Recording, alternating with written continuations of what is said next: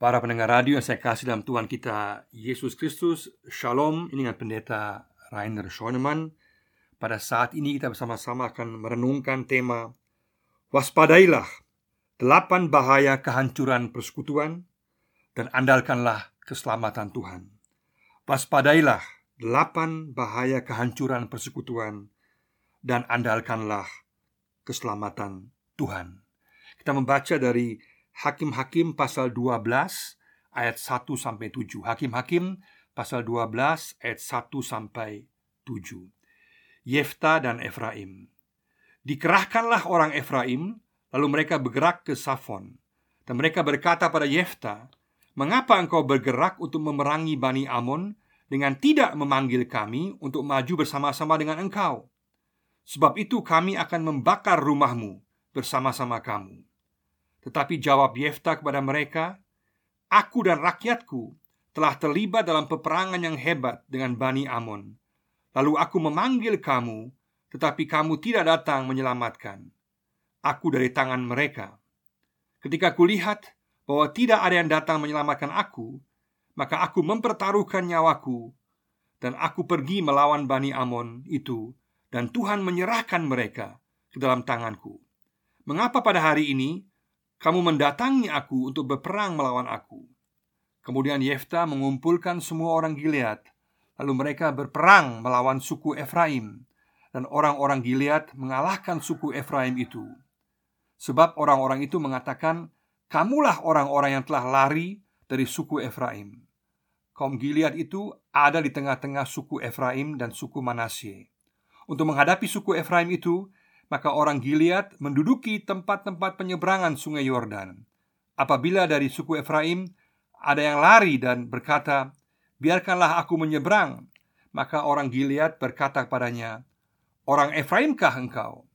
Dan jika ia menjawab, "Bukan," maka mereka berkata kepadanya, "Coba katakan dahulu Shibolet."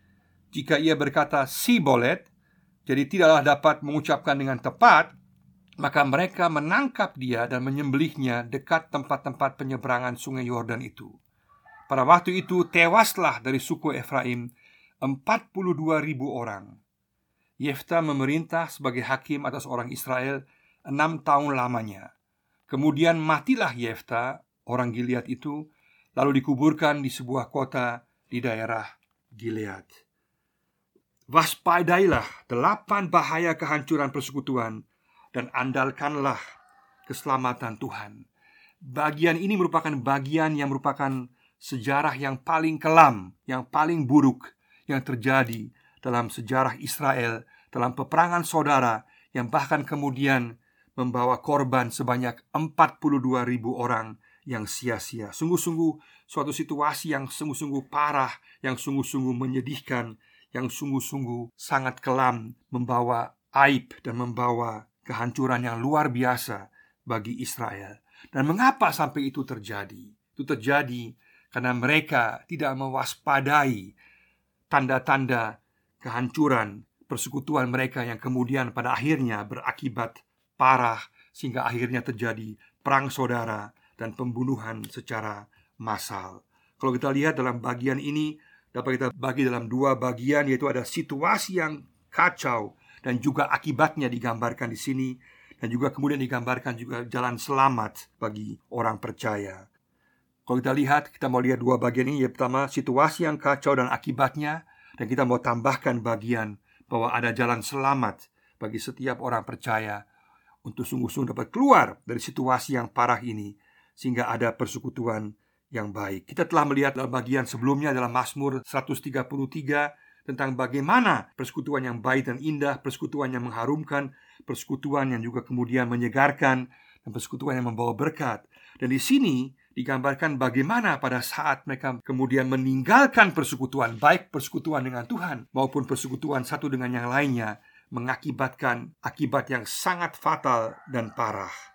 Bagian pertama kita lihat di sini bahwa digambarkan situasi yang kacau dan akibatnya. Di sini digambarkan bagaimana bangsa Israel diancam oleh Bani Amon, oleh bangsa Amon dan kemudian eh, Yef telawan mereka dan mengalahkan mereka sehingga mereka ditolong oleh Tuhan sehingga dapat mengalahkan bangsa Amon yang telah mengancam mereka sehingga dengan kekuatan Tuhan mereka boleh mengalami kemenangan. Tapi setelah kemenangan yang luar biasa itu, setelah pertolongan Tuhan yang luar biasa itu, kemudian terjadi suatu kehancuran yang luar biasa. Mengapa sampai bisa terjadi kehancuran yang luar biasa setelah mengalami kemenangan yang luar biasa, pertolongan Tuhan yang luar biasa?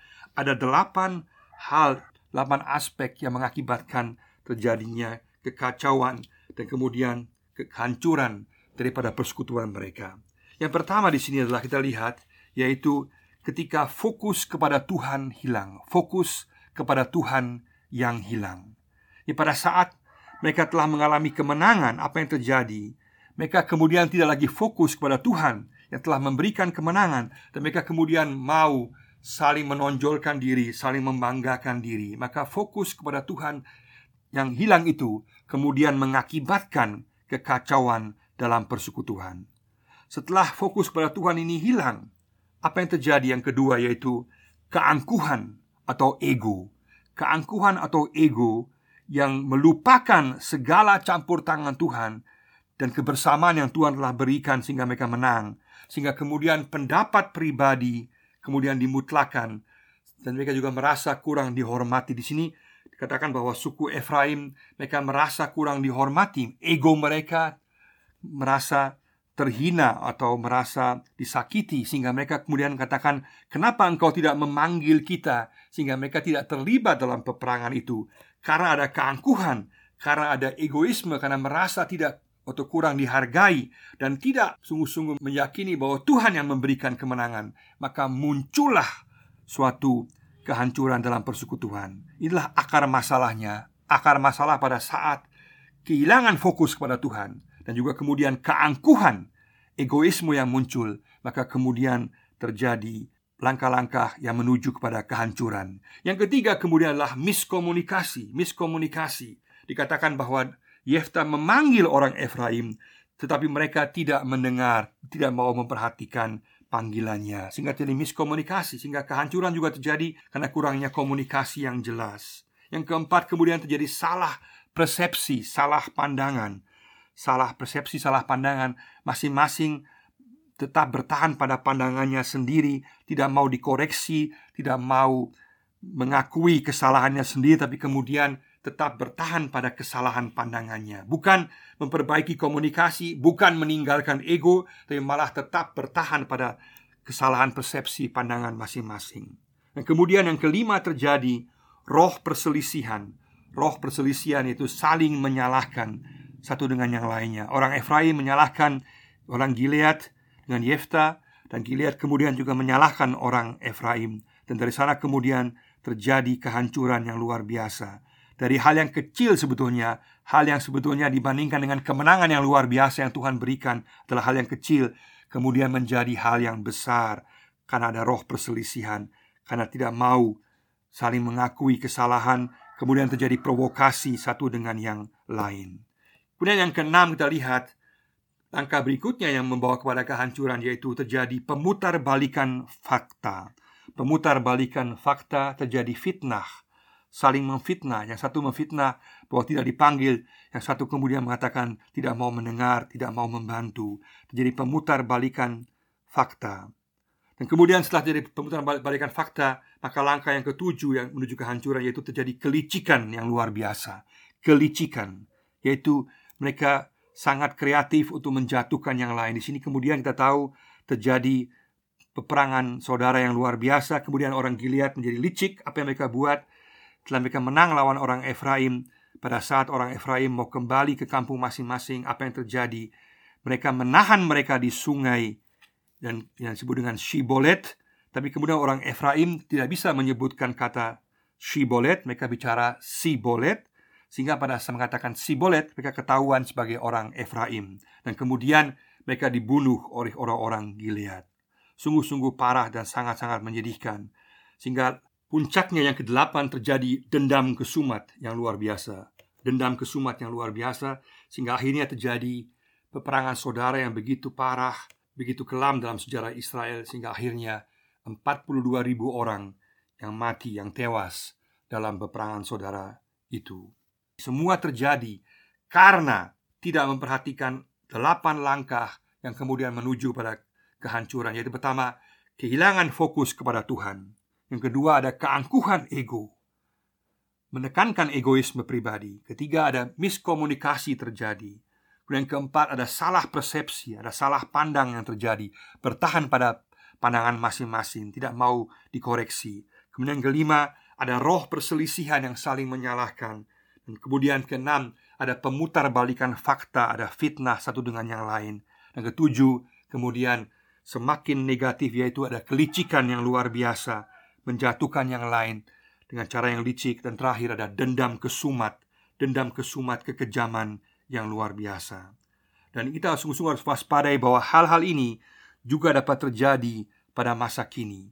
Kalau kita dalam jemaat-jemaat kita sebagai orang percaya, kita kehilangan fokus kepada Tuhan, maka persekutuan kita terancam. Kita bisa mengalami berkat Tuhan yang luar biasa, pertolongan Tuhan yang luar biasa, pertumbuhan jemaat yang luar biasa. Jadi pada saat kita mulai hilang fokus kepada Tuhan, maka hal ini sangat membahayakan. Karena segala pujian, segala hormat, harus kita kembalikan kepada Tuhan. Dan kemudian yang bahaya kedua adalah bahwa terjadi keangkuhan atau egoisme. Kita mau mengklaim keberhasilan untuk diri kita sendiri. Kita melupakan campur tangan Tuhan. Kita melupakan kebaikan Tuhan. Sehingga akhirnya pendapat pribadi yang ditekankan dan juga merasa kurang dihormati sehingga akhirnya menjadi tersinggung dan akhirnya kemudian itu menimbulkan amarah sehingga akhirnya ketiga juga terjadi miskomunikasi Tidak sungguh-sungguh saling berbicara dengan baik Malah pada saat sudah merasa tersinggung Tidak mau berbicara lagi Dan miskomunikasi ini semakin memperparah situasi yang ada. Dan akhirnya dalam persekutuan juga bisa terjadi Yaitu roh perselisihan Yaitu saling menyalahkan Tidak mau mengakui kesalahan sendiri Tapi mau menyerang orang lain Menyalahkan orang lain. Dan keenam kita ada bahaya pemutar balikan fakta. Dalam situasi yang penuh perselisihan ini sering kali terjadi pemutarbalikan fakta dengan fitnah-fitnah yang kejam yang luar biasa dan kemudian bisa terjadi kelicikan untuk menjatuhkan orang lain dan kemudian terjadi kekejaman dendam kesumat yang begitu besar sehingga akhirnya persekutuan mengalami kehancuran. Kedelapan langkah yang menuju kehancuran ini harus kita perhatikan, kita waspadai sungguh-sungguh dalam kehidupan pribadi kita, juga dalam keluarga kita, dan juga dalam jemaat-jemaat kita, dalam segala jenis pelayanan yang kita lakukan, supaya kita dari langkah pertama kita sudah bisa memakai alarm. Sungguh-sungguh hati-hati sehingga jangan sampai fokus pada Tuhan kita hilang, jangan sampai ada keangkuhan egoisme yang muncul, jangan sampai ada miskomunikasi, jangan sampai ada salah pandangan. Jangan sampai muncul roh perselisihan. Jangan sampai muncul pemutarbalikan fakta. Jangan sampai muncul kelicikan. Dan jangan sampai ada dendam kesumat maka untuk menjaga ini, untuk sungguh-sungguh menghindari ini supaya ini jangan sampai terjadi yang bahkan dapat membawa kehancuran yang luar biasa. Di Israel pada waktu itu terjadi perang saudara yang luar biasa dengan korban 42 ribu orang yang sangat kelam dalam sejarah Israel.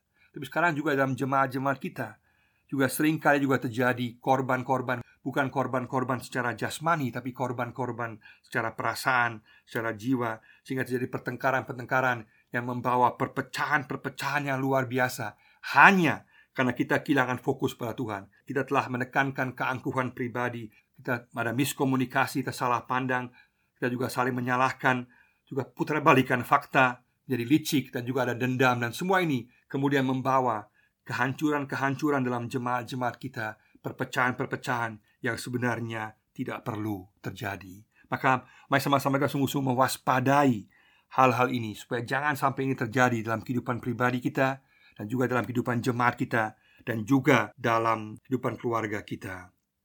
Langkah atau jalan keluar yang ada adalah berseru kepada nama Tuhan, berseru kepada nama Tuhan. Di sini digambarkan bahwa sungai yaitu Shibolet yang sebetulnya adalah sungai yang juga digambarkan dalam perjanjian lama sebagai sungai yang membawa kehidupan. Misalnya Yesaya 66 kita baca dalam Yesaya 66 ayat 12 digambarkan bagaimana sungai kehidupan. Juga Yehezkiel 47 ayat 12 yang menggambarkan sungai kehidupan yang membawa buah yang luar biasa. Gambaran juga untuk damai sejahtera untuk kepenuhan kesukaan hidup. Maka sungai kita, harapan kita adalah nama Yesus, nama Tuhan. Kita baca misalnya dalam Mazmur pasal 91 ayat 5 dikatakan Barang siapa yang berseru pada nama Tuhan akan diselamatkan Siapa yang berseru kepada nama Tuhan akan diselamatkan Hal yang sama juga ditekankan dalam kisah para rasul Pasal 2 ayat 21 dikatakan Barang siapa yang berseru pada nama Tuhan Nama Tuhan Yesus Maka dia akan diselamatkan. Maka jalan keluar jalan selamat dari kehancuran yang mengancam kita dalam persekutuan kita adalah sungguh-sungguh mengandalkan nama Yesus, berseru kepada Yesus, orientasi kepada Yesus, fokus kepada Yesus, karena hanya dalam Yesus ada keselamatan, hanya dalam Yesus. Kemudian juga ada damai sejahtera, ada kebersamaan, ada kehidupan. Yesus katakan dalam Yohanes pasal 4 ayat 14 bahwa dia adalah air kehidupan. Barang siapa yang minum darinya, dia tidak pernah akan haus lagi. Yesuslah yang memberi air kehidupan. Maka dialah jalan keselamatan. Dialah langkah keselamatan untuk kita, baik secara pribadi untuk kehidupan kekal, pengampunan dosa, sekaligus juga langkah keselamatan untuk menjaga persekutuan kita satu dengan yang lainnya, sehingga kita tidak terjebak dalam kehancuran karena langkah-langkah egoisme, langkah-langkah kepentingan pribadi yang membahayakan kita. Mari sama-sama kita katakan kita mau berseru kepada nama Yesus. Kita tahu bahwa nama Yesuslah nama yang menyelamatkan.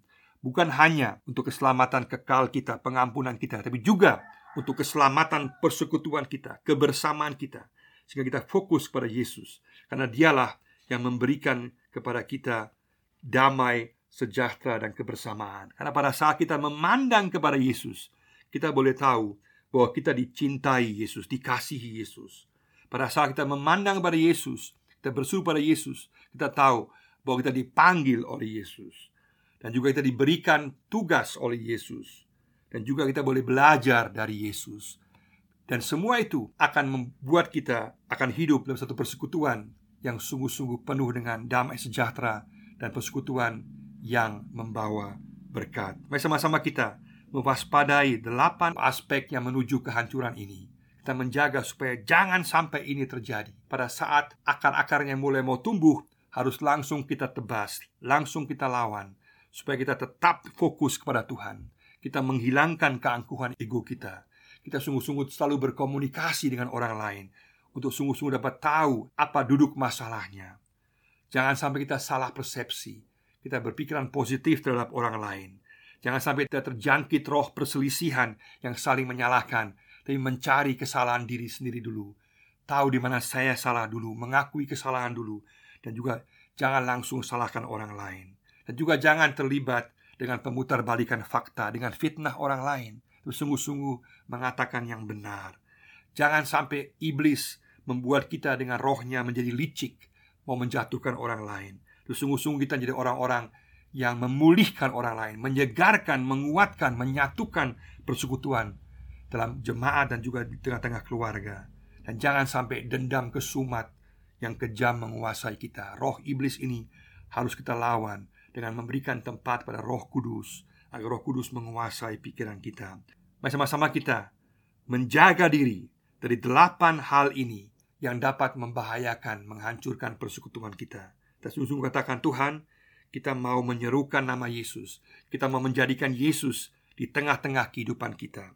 Sama seperti yang dikatakan oleh Daud dan juga Yonatan 1 Samuel 20 ayat 42 Mereka mengatakan bahwa Tuhanlah yang harus ada di tengah-tengah mereka. Tuhanlah yang harus ada di tengah-tengah mereka. Tuhanlah yang harus ada sebagai sungai yang menyegarkan kita, menyatukan kita, persekutuan kita, sehingga kita disegarkan, diberikan kehidupan dan juga kemudian dipersatukan, dipulihkan dalam Yesus. Mari sama-sama kita menghidupi sebuah persekutuan yang membawa berkat, yang menjauhi segala hal-hal yang dapat menghancurkan persekutuan kita. Tuhan memberkati kita semua. Amin.